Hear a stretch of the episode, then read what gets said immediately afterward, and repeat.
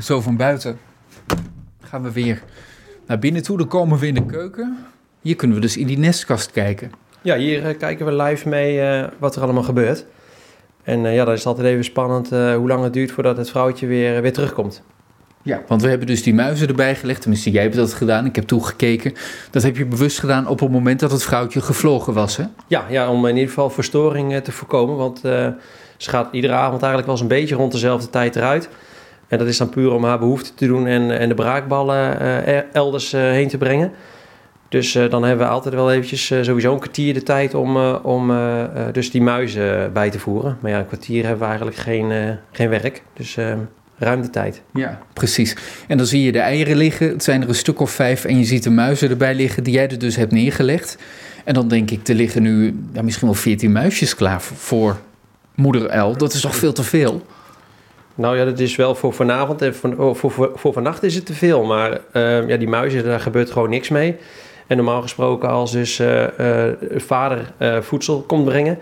dan eh, leggen ze ook altijd een voorraadje aan. Dus dat is eigenlijk hetgeen wat ik nu ook heb gedaan. eh, eh, op het moment dat de eieren uitkomen en ze heeft voedsel nodig... kan ze, ja, kan ze pakken wat ze, wat ze wil. Ja, een uur geleden heb je al uitgelegd waarom je aan het bijvoeren bent. Dat is omdat het mannetje gevlogen was in de storm, zoek geraakt. Verongeluk zeg het maar, er is weer een mannetje voor teruggekomen. En het is onzeker of dat nou hetzelfde mannetje is of niet. Hoe dan ook, dat mannetje is niet het vrouwtje aan het voeren en dat zou die eigenlijk moeten doen. Klopt, ja. ja dat, hij zou nu dus eigenlijk weer gewoon de taak eh, als, eh, als man eh, op zich moeten nemen... en op jacht moeten gaan en, en muizen en vogeltjes aanbrengen. Nu ben jij het mannetje. Ja, ja, maar ik kan alleen niet zo goed vliegen en jagen, nee. Nee, dat is dan jammer hè. Maar je bent wel goed om aan muizen te komen. Ehm, nee, mensen gruwelen ervan. Je wil geen muizen in huis hebben. Hoe kom jij nou aan die muizen dat je zoveel muizen aan die uil kunt voeren? Nou ja, ik, ik heb een adres eh, hier in de buurt in Bargem. Eh, een meneer die, die fokt daar wildkleurige muizen.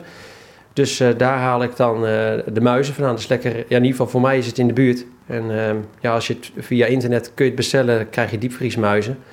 Maar ja, ik heb het idee dat dat niet zo dat het meer lucht is dan, dan echt dat er nog wat voedingswaarde in zit voor de uil. Want het moet natuurlijk ook wel, er moet wel wat in zitten. Hij moet er wel op kunnen teren. Ja. Dus ja, dus vandaar eh, dat ik ze daar eh, vandaan haal. Ja. Mensen die ehm buitengewoon volgen, die kunnen deze beelden ook kijken, want het is te zien op de livestream van buitengewoon. En wat voor reacties krijg je? En ook het moment dat je bent gaan bijvoeren, daar vinden mensen vaak wat van. Heb je daar reacties op gekregen of over gelezen? Eh, nou, eigenlijk de reacties die ik sowieso allemaal heb gelezen zijn zeer positief wel. Eh, ik heb ook wel eventjes zitten dubben, moet ik het wel of moet ik het niet? Maar ja, Ja, want je kunt ook zeggen, de natuur is de natuur, het mannetje is, is verdwenen. Dus ja, eh, als jij er niet was en je had geen camera opgehangen, had je geen weet gehad van dit. klopt. Nee, als er geen camera in had gezeten, was, was moeder zeker gevlogen, was, eh, had ze de eieren alleen gelaten. Alleen ja, ik kon het niet aanzien om, eh, om zeg maar die, dat vrouwtje daar zo eh, te laten zitten en eh, ja, continu te laten roepen naar het mannetje en eh, haast dood te gaan van de, van de honger. Ja. Dus eh, dat was voor mij een reden om gewoon eh, eh, haar te voorzien van voedsel. Het is bijna een soap, hè, waar je dan maar naar kunt kijken. Zeker, ja, ja zeker een soap. Maar ja, goed, ik hoop dat het goed afloopt, deze soap. Ja, de slechte tijden hebben we gehad. Het mannetje gevlogen, goede tijden moeten komen als de eieren uitkomen. Wanneer gaat dat gebeuren, denk je? Nou, dat zou vanaf, vanaf deze week eigenlijk moeten kunnen gebeuren. Ze is de 26, 26 januari is ze gaan broeden en ze broeden tussen de 28 en 30 dagen. Dus ehm, ja, de- deze dagen zijn spannend. Hier, kijk, daar komt ze weer aan. Heel behoedzaam, naar binnen, bochtje linksom, daar liggen de eieren.